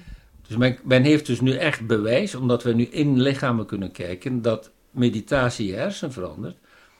En dus het hele verhaal dat je eigenlijk nieuwe zenuwbanen kunt aanleggen, waardoor je dus de energie kunt leiden via de nieuwe kanalen in plaats van via de oude patronen, dat is eigenlijk wat je ook doet met mindfulness. Je verandert eigenlijk je neurologie door mindfulness. Ja. Dus je, je Ja. lichaam verandert, als je, als je voldoende traint op mindfulness, verandert je zenuwstelsel. En dat is eigenlijk de kern van het hele verhaal, want daar zit die vecht- en vluchtreflex, daar zit de bevriezing. Het is allemaal op niveau van het zenuwstelsel. En heb jij ehm, kennis van of ervaring mee dat bijvoorbeeld via psychedelische middelen ook te... heb ik geen ervaring mee, maar ik geloof wel dat veel van die dingen ehm, een verschil kunnen maken. Dus ik lees daar heel veel over. Dus dat bijvoorbeeld vroeger deed men meer onderzoek met, eh, met LSD voor trauma. Ja. En dat bleek dus dat, dat men- mensen, als dat dus onder begeleiding gedaan wordt, veel sneller konden genezen van heftig trauma met LSD. Dus er is nu een, een, een variatie van MDMA, heet dat zeker, hè? dus wat, Ehm, ja, wat, therapeuten kunnen gebruiken. Je hebt M- MDMA en volgens mij zijn ze daar nu klinische eh, proeven mee aan het doen, inderdaad. Ja, Is dat, is dat met MDMA of met psilocybine? Volgens mij nu met MDMA en psilocybine, dus de paddenstoel, Magic Mushroom, die staat Ja. nu op de, Hm. eh, op de vervolglijst om daarmee aan de slag te gaan. Ik, ik heb bijvoorbeeld Michael Pollan ook gesproken. Die ja, heeft nu net een boek geschreven, nu, ja, vorig jaar, over eh, LSD en How to Change Your Mind heet het boek. ja. Heel mooi om te zien dat daar toch wel ja. meer Nou ja, openheid over komt. Als, als het, als het op, op, eh, ja, op verantwoorde wijze gebruikt wordt in kleine dosissen en het kan iemand genezen. Dus in, in Amerika heeft men dat bijvoorbeeld wel gebruikt voor mensen die van het slagveld terugkomen. Ja. En ik las net in, in een interview van Bessel van der Kolk een tijdje geleden dat, eh, dat je dus een licentie moet hebben als therapeut om dat te kunnen gebruiken. En dat dus een van de voorwaarden is dat je zelf door de therapie moet gaan. En hij was daar zelf mee bezig op dat moment met, eh, om door de, doorheen de MDMA-therapie te gaan met een therapeut. Nou, hij was ook erg onder de indruk van hoe diep je komt waar je anders eigenlijk niet kunt naartoe gaan zonder, zonder zo'n middel. Maar dat is niet wat iedereen nodig heeft. Dus mensen met heel diep trauma zou ik zeggen ja. En voor andere mensen is het al een paar bruggen te ver. Die eh, filosofisch psychotherapeut, waar ik het net eh, van tevoren met je over had, die ook ayahuasca-ceremonies doet. Daar ben ik één keer geweest en was ik jongen met eigenlijk een te zwaar trauma. En die heeft hem gestopt. En die zei van eigenlijk moet jij nu bijvoorbeeld hypnotherapie of iets anders doen. Waarop op een hele veilige manier Ja. toch wel naar jouw trauma toe kunnen gaan. Ja, ja. Want dat is te, te pijnlijk om dat in één keer open te gooien. Ja, maar daarom is traumaheling meestal ook een werk van lange adem. Want het kan per definitie maar met kleine beetjes bovenkomen. Ja. Als je dat te hard triggert, dan word je overweldigd. Dat is ook niet de bedoeling. Ja. Zeker niet. Hm. Ja, en dat dan het leren loslaten. Ja, ik, heb, ik ben echt heel benieuwd naar, eh, naar morgen. Kan je alvast een tipje van de sluier eh, voor de luisteraars? Want, eh, Nou wa- ja, waar is, waarom is deze workshop eigenlijk... In, waarom is deze workshop eigenlijk? Nou, het is mijn eigen ervaring. Ik heb het dus eerst zelf geleerd en het heeft zoveel voor mij gedaan dat ik zo blij ben om het te delen met andere mensen. Ik heb er wel mijn eigen versie van gemaakt, omdat ik er meer verschillende bronnen bij gehaald heb om het nog simpeler te maken. Maar uiteindelijk komt het allemaal neer op leren lichaamsbewust worden. Zodat je dus in je lijf kunt voelen waar de blokkades zitten. Dus dat soort oefeningen doen we. En dan, ja, eigenlijk je moet, het, je moet iets wat vast zit terug laten stromen. Mhm. En stroom zit altijd tussen tegenpolen. Dus iets wat onder spanning staat, wil eigenlijk ontspannen. Ja. Dus op het moment dat jij een ontspanning tegenover een spanning zet, gaat het stromen. Dus eigenlijk wat we in hoofdzaak leren in een loslaatworkshop is, is ontspannen. Ja. Ontspannen terwijl je focus hebt op een spanning, zodat een spanning kan oplossen. Dat is een hele korte samenvatting. Ja. Nou, Ja, maar het, het, het ervaren is natuurlijk het, eh, het meest geweldige. Dat je ziet dat je echt iets voor jezelf kunt doen. Dus de diepe trauma's kun je daarmee niet oplossen. Daar heb je nog altijd andere methodes voor nodig. Maar je kan zoveel stress uit je, uit je lijf halen met loslaten. met als doel om dus hè, dat, die flow weer meer te kunnen ervaren. Ja, ja, Eh, je zei het al, je gaf al een aantal verschillende definities van flow in het gesprek. Maar ja. wat is flow precies? Ja, flow is eigenlijk een staat van harmonie, een staat van synergie, een staat waarbij dus de levensenergie vrij kan stromen. En die levensenergie is dus eigenlijk wijs en creatief en, en scheppend enzovoort, want dat is het leven zelf. Ja. Dus flow is eigenlijk gedragen worden door het leven, bij manier van spreken. Dus en dat, moet je, dat is geen abstractie. De levensenergie in ons lijf, dat is eigenlijk wat we zijn. Dus want als die weg is, valt het lijf in elkaar. dus de, die levensenergie is eigenlijk wat, wat alles mogelijk maakt. Dus als je, als je die de leiding geeft, krijg je een heel ander leven. En hoe ga je dan om met eh, wat ook in Think and Grow Rich zit? Hè? Het, het doelen stellen. eh, nou, hij zit ook wel heel erg op de, niet de affirmaties, maar wel je doelen steeds, eh, steeds oplezen. Met, het, het lijkt ook een spanningsveld. Oh, aan de ene kant Ja. wil ik in flow en, en reageren op wat er op dit Ja. moment gebeurt. Aan de andere kant heb ik ook lange termijn plannen. Ja, dat spreekt elkaar niet tegen. Dus het, wat eigenlijk belangrijk is, is dat, dat je een richting moet hebben. Dus een doel is vooral een richting waar je naartoe gaat. Dus dan moet je niet gaan focussen op de uitkomst, maar op de richting. En in die richting kun je flexibel zijn. Maar als je de hele tijd je doel voor ogen houdt, dan heb je de hele tijd frustratie dat je het nog niet hebt. En Ja. heel veel mensen hebben daar last van. Ja. Dus je moet eigenlijk alleen maar de, de richting aanhouden en kijken, klopt dit met waar ik naartoe wil?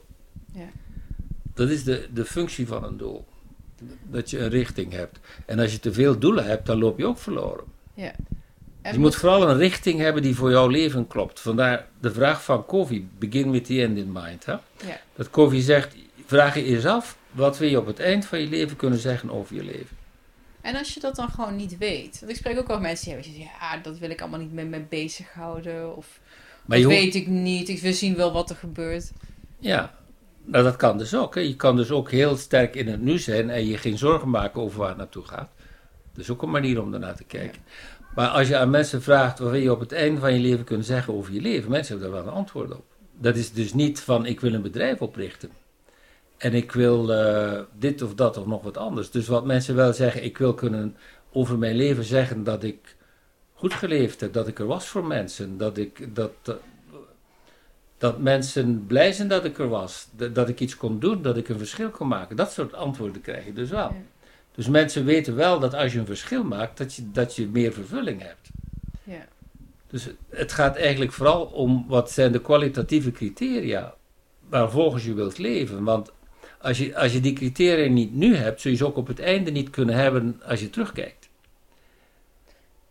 Dat is wel een goede. Het zijn kwalitatieve criteria. Hoe wil ik leven om op het einde van mijn leven blij te kunnen zijn met mijn leven? Ja. ja en ik, weet bijvoorbeeld ook wat hè, over eh, of mensen wel of niet doelen halen. Dat kijken naar je identiteit.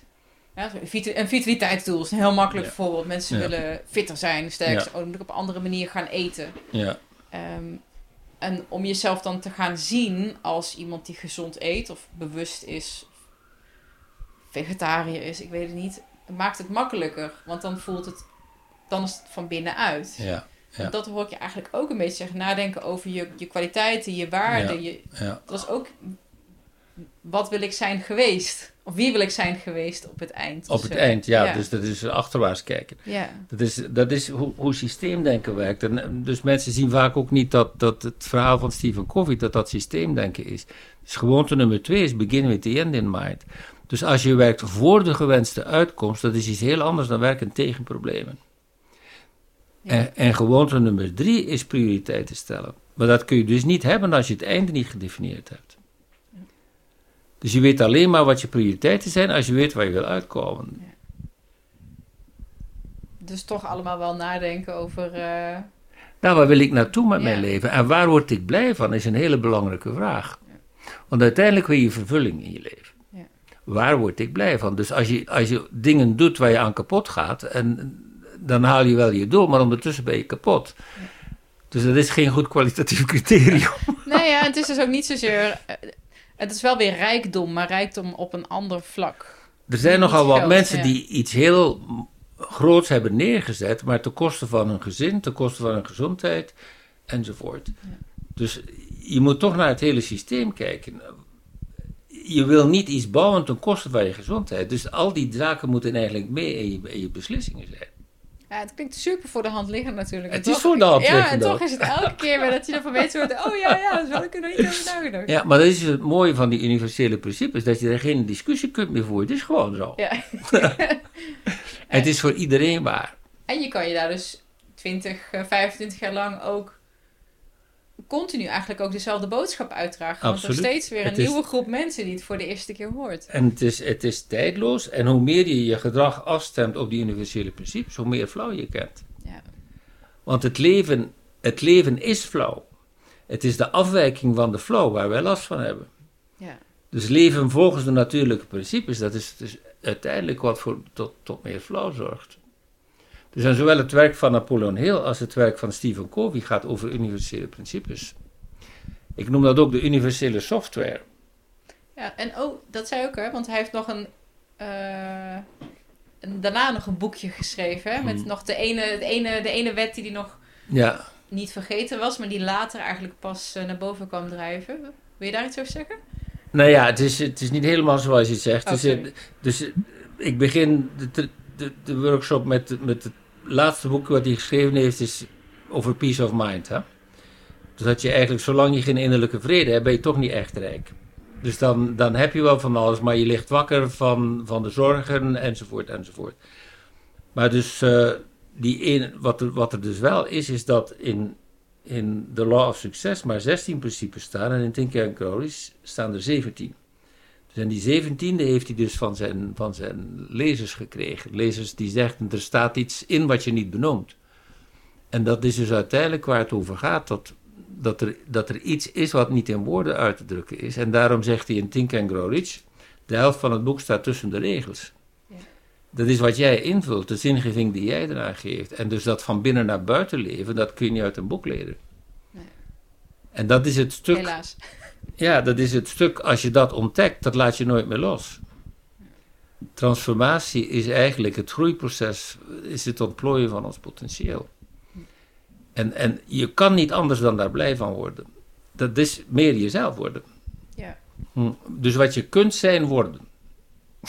Of worden wie je al bent. Ja, het, ja. is dat ook alweer die uitspraak? Maar het komt daarop neer. Worden wat je bent. Je bent eigenlijk een potentieel. En dat potentieel tot uiting brengen. Dat is uiteindelijk wat het leven van ons wil. Wij, dit is net een, een zaadje wil een bloem worden.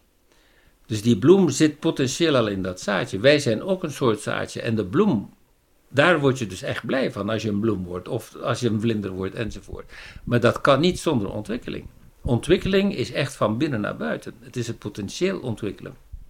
En mensen die bijvoorbeeld ehm, depressief zijn of, of een, een geestesziekte hebben, waardoor wat meer een, een disbalans is in de stofjes in de hersenen. Want je kan natuurlijk ook als je in mm. de, vooral in de flight modus, denk ik, de hypo. Ja. Ik denk dat dat de, de, energie is die stilvalt. De, de, de, in je ja, kruipen eigenlijk. Niet zozeer freeze, maar Ja, je hebt, je hebt vluchten en je hebt verbergen. En pas dan komt freeze. Oké. Dus freeze is de laatste is eigenlijk ongevoelig worden. Hè? Is eigenlijk jezelf verdoven, is vries. Om de pijn niet meer te voelen. Je kan de pijn niet vermijden, dus dan ga je het maar verdoven. En dat is ook een overlevingsmechanisme. Dat is het oudste overlevingsmechanisme. Dus de niet gewervelde dieren, zoals een worm, die kunnen niet vechten en vluchten. Die kunnen alleen maar bevriezen. Dus het, het oudste overlevingsmechanisme is bevriezen. En dus de, in de nervus vagus zitten dus al die niveaus. De, in de zwervende hersenzenuw heet die ook. Hè. Er zitten al die niveaus in het bevriezen tot en met de sociale, de sociale overlevingsmethodes. Maar dus dat, ja, dat bevriezen, dat is waar heel veel mensen last van hebben. Dat ze, dat ze niet weten waarom ze niet in actie komen, waarom ze niet, niet meer kunnen praten als ze gestrest zijn, enzovoort, enzovoort. Ja. Is het dat ook de groep die, die bijvoorbeeld makkelijk naar middelen grijpt of zo? Verslaving of depressie? Of is dat... Weet je, mensen hebben soms zoveel pijn dat je ze niet kunt kwalijk nemen dat als ze niet geholpen worden, dat ze in dat soort dingen terechtkomen. Dus toen ik voor het eerst naar een traumatherapeut ging, zei mijn traumatherapeut: is echt niet, niet te geloven dat jij niet aan de drank of aan de, of aan de drugs bent. Dus ik had zoveel trauma in mijn lijf. En ik, ik neem dat mensen niet kwalijk als ze niet ondersteund worden, dat ze dat soort dingen meemaken. Ik geef heel vaak het, het, het voorbeeld van een tante van mij, die heeft drie kinderen verloren. Op drie verschillende momenten in het leven, niet in één keer. Ja, kom dat maar eens te boven. Dus iedere keer zei ze, was, was ik het maar geweest. Ze, ze wou dat niet. Dat, hmm. dus en, en ze was aan de drank. Maar dat kun je toch niemand kwalijk nemen, dat je, als je zoveel pijn hebt en je hebt geen therapie, geen ondersteuning, en dat je, dat je dan wilt verdoven, dan kan alleen maar compassie mee. Ja. Nou, dat maar dat geeft ook aan dat we eigenlijk ook geen opvangsysteem hebben voor psychisch lijden. Ja. Heel belangrijk woord wat je net zei, compassie. Ja. Voor de ander, maar vooral ook voor onszelf, lijkt hm. me. Ja. ja, daar begint het. Hè? Dus begrip voor je eigen menselijkheid. Wij worden op, op, met zoveel normen beladen van die eigenlijk onhaalbaar zijn. Dus en sociale media dragen daar nu een beetje aan bij. Hè? Dat mensen eigenlijk last hebben van al de normen die ze niet kunnen halen. Maar je bent menselijk, je maakt fouten. En, en je hebt beperkingen, maar je hebt ook talenten. En in plaats van de talenten te ontwikkelen, zijn we bezig met beperkingen te bestrijden. Ja. Het is allemaal heel pijnlijk. En nou, ik, ben, ik ben inmiddels wel zover dat ik ook op zo'n zo'n zondag, die gelukkig niet heel vaak meer voorkomt, maar ik realiseer me ook hoe pijnlijk dit ook nu is. Ik weet ook dat dit uiteindelijk voor mij de krenten uit de pap gaan zijn. En dat ik hier informatie uithaal of mee verder kan. Of Mm. dat me dit iets laat zien. Ja, Waardoor ik ook Ja. weer een stapje verder kom. Nou is het niet Ja. zozeer van dat daar een, een streven in zit. Van, oh, ik moet een bepaalde niveau halen. Maar wel van, oh, dit... Ja. Dan wel weer dankbaar dat dat is gebeurd. Want het laat me ook weer weer iets zien. ja, nou ja, de enige echte leerprocessen zijn toch ervaringsprocessen. Je kan tien keer een boek lezen en niks snappen en dan maak je het mee en dan zeg je, oh, daar ging het over. Ja, ja. Je leert uiteindelijk door ervaring. Dus eh, dat zijn zowel de pijnlijke ervaringen als de vreugdevolle ervaringen. Ja. En wij zijn als, als soort zijn we nog zo onbewust dat we meer leren door pijn dan door plezier. Het is nu eenmaal niet anders. Ja, Dus wij moeten echt geschokt worden soms om wakker te worden. Ja. Ik laatst met iemand nog een hele discussie over, over hoe mensen tegen elkaar praten in relaties of, of in families. Ja. Kortaf en Ja. boos en eh, nou... Ik... oh, nou, dat is gewoon hoe we zijn opgevoed, want anders komt het niet over. En ik denk, oh ja, ja. Ja, ja, ja. Stel je eens voor dat alle kinderen verbindende communicatie zouden leren. Van bij de kindertijd al. Dat je dus leert in verbinding blijven met andere mensen die emotioneel zijn. Dat we dus niet in het drama zouden schieten. Dat je dat van kind af zou leren hoe je uit drama blijft. Dat Ik wil heb- ik als volwassene nog wel leren. Ja, ja, maar dus stel je eens voor dat dat eigenlijk de redding van de wereld zou zijn. Dat wij kinderen helpen om van bij de start te leren omgaan met hun emoties. En, en bewuste keuzes te maken en niet in het drama te schieten. Eh, Van, van de ander of van, van ja, je eigen drama, maar ook te leren compassie hebben met het drama van iemand anders. Ja. Dus ik heb een, een, dit jaar heb ik een artikel gelezen en, en ik heb het ook gepost. Dat, dat was eh, How the Inuit teach their children how to deal with emotions. En dat is dus geweldig. Die, de, dus, ze willen niet Eskimo's genoemd worden, hè, de Inuit. Nee. Maar dus hoe zij hun kinderen opvoeden om dus rustig te blijven en, en dus te leren met hun emoties omgaan van kindsbeen af en in verbinding te blijven. En er stond dus een foto bij van een kind wat naar de moeder kijkt en die zijn zo in verbinding. Dus zij, zij bouwen alles op. Het voornaamste is dat je in verbinding blijft en dat je niet in afscheiding gaat, want dat is wat het ego is. Dus zij leren kinderen eigenlijk van kindsbeen af om bij zichzelf te blijven en niet in de emotie te schieten. Nou ja, dat is toch Wauw. waar de hele maatschappij zou van helen. Nou, absoluut. Waar in ieder geval de, de, de onderlinge verstandhouding een stuk eh, beter. Want wat, ja, Ja, je blijft in communicatie in Ja. plaats van in het drama te schieten. Dus ik ben daarom ook bijvoorbeeld heel blij met zo'n initiatief als de Gelukskoffer. Ik weet niet als je dat kent. Ja, ja. Dat is toch geweldig. Er zijn ondertussen al zeker 15.000 kinderen door dat programma gaan. Nou, Ja. Dat vind ik echt geweldig. Nou, we hebben ook zelf, en dat is echt super actueel nu, we hebben afgelopen vrijdag een prijs gewonnen van de Stichting Kinderpasseers. Want eh, wat ik met, met dit bedrijf doe in, in bedrijven, Mhm. hebben we nu een training voor kinderen gemaakt tussen de 10 en de 14. Wat over leiderschap gaat, je kwaliteiten en het heldenverhaal. De Ja. heldenreis, eh, Ja. de, de Joseph Campbell Ja, klassieker, eh, Ja. eh, ja, de, de monomythe zeg maar. Ja. Eh, juist omdat daar zo'n gigantisch tekort aan is. Hm. eh, om kinderen te leren verantwoordelijkheid te nemen, naar zichzelf te kijken. En dan zit dat stuk Ja. nog niet in. Maar ik denk, Ja. oh, ik wil dat artikel heel graag le- lezen over de Inuit. ja. Ik ja ik denk doen. als je, als je het gaat googlen dat het misschien nog wel boven komt. Maar veel van die links verdwijnen ook. Oh, snel even kijken. ik weet niet zo of ik het gekopieerd heb. Veel, ik kopieer soms wel dingen omdat die links ook verdwijnen. Het was een geweldig interessant artikel. Ja. Ja, ook, want wat daarin zit ook is dingen niet, en dat, dat wisten de Azteken al, gewoon dingen niet persoonlijk maken. En Ja. geen aannames doen. En als je die twee dingen al doet Ja. in je communicatie, het niet persoonlijk maken, en geen aanname doen dat het over mij gaat, maar als je dan ook nog in verbinding kan blijven. Ja.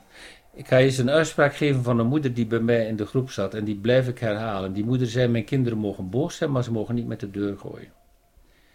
Dat is de hele samenvatting. Dat, dat boosheid niet afgekeurd wordt, maar dat je er leert mee omgaan. Dus dat je boos bent is oké, maar je gaat niet dingen kapot gooien.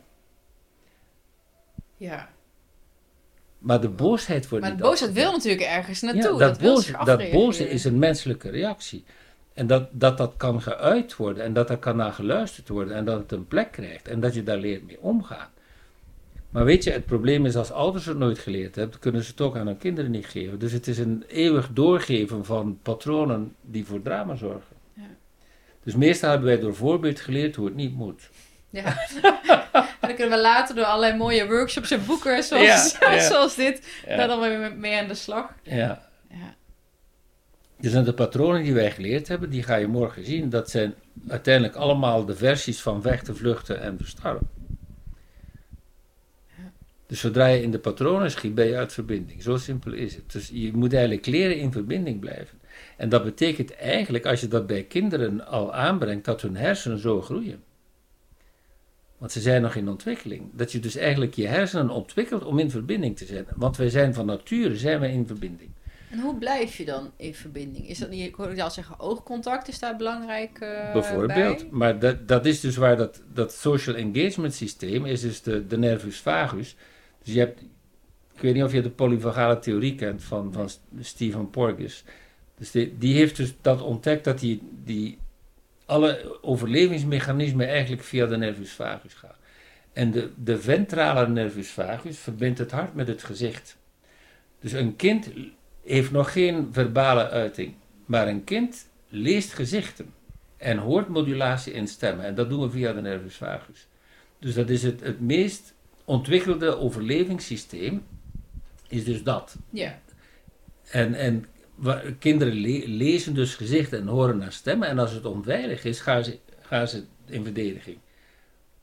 Dus als we heel vroeg al zouden leren om die nervus vagus te beschermen. En dus dat sociale contact te ontwikkelen, dan zouden mensen veel minder gemakkelijk in het drama schieten.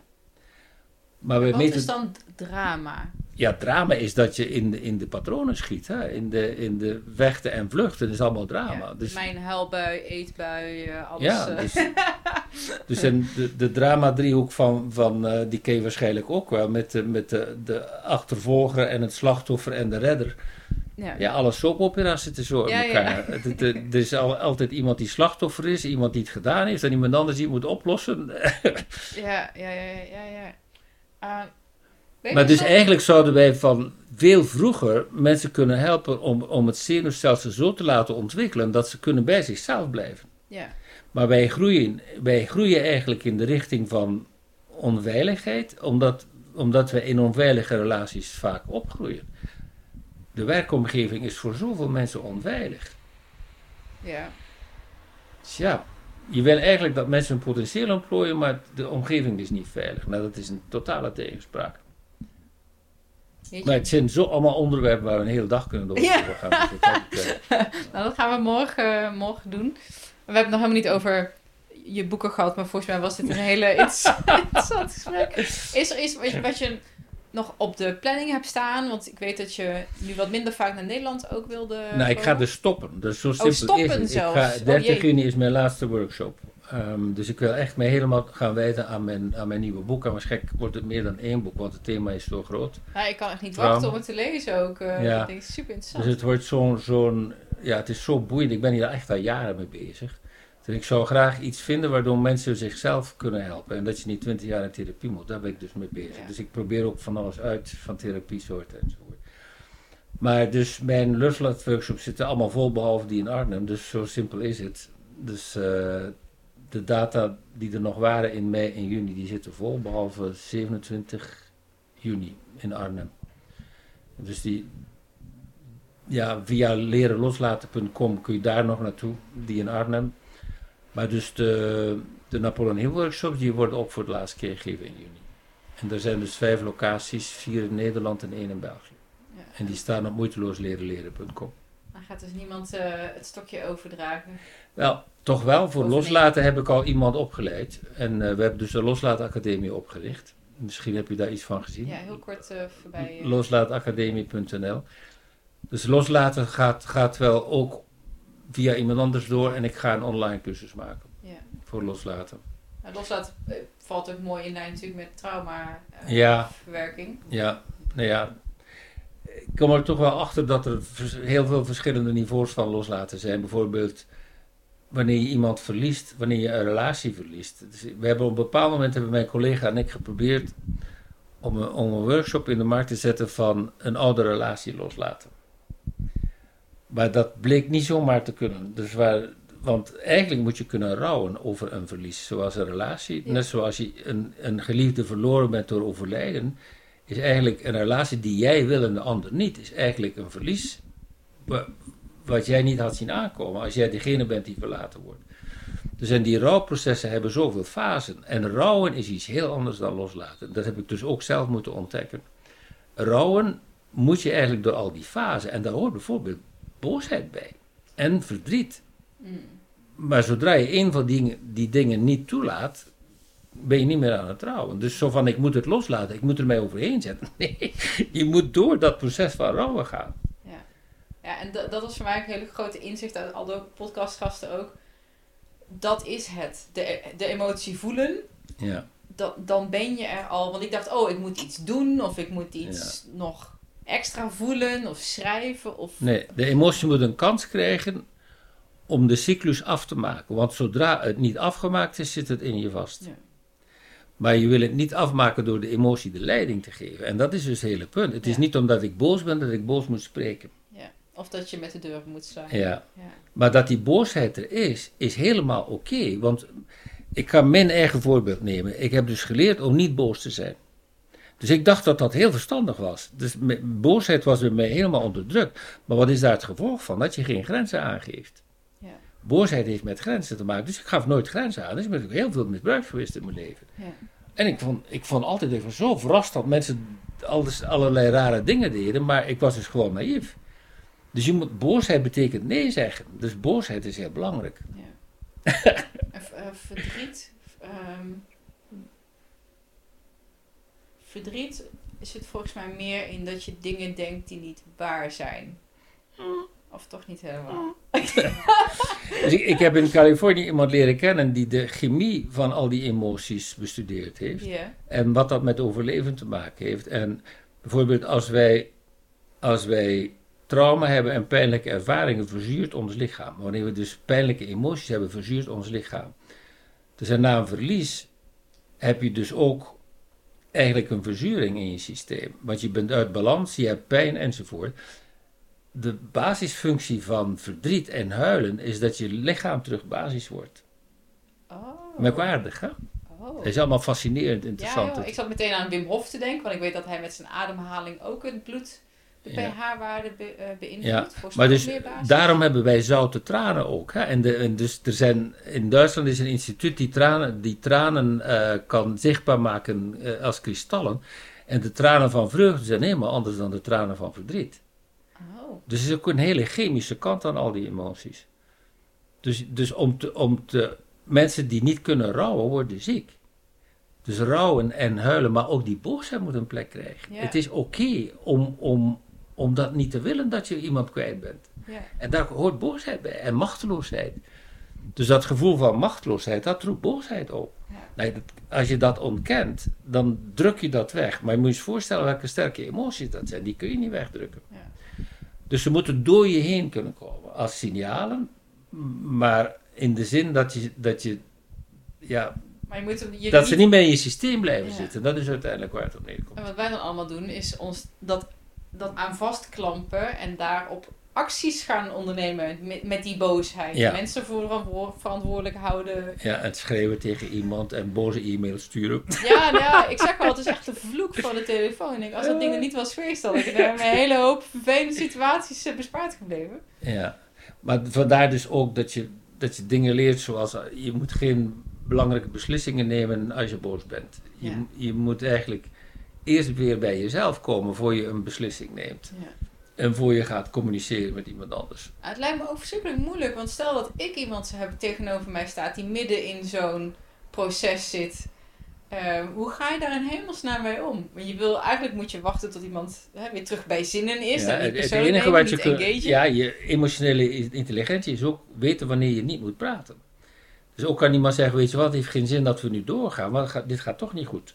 Dus laten we even een wandeling doen. Ja. Dus het zijn hele praktische zaken. Ja. Maar ik denk dat we nu stilaan gaan moeten afronden. Want Ja, ik oh, heb- sorry. Ik moet nog ergens Ex- naartoe. Excuseer, we zitten ook eh, Ja, over we tijd. zitten dus, ik was even het, helemaal... zijn, het zijn zo'n fascinerende onderwerpen. Ja, Maar laten we maar afronden. yes. Ja, Dankjewel. my pleasure. Ja. Dat je al mijn eh, vragen wilde beantwoorden. Ja. Ik zie je morgen. Oké, doe.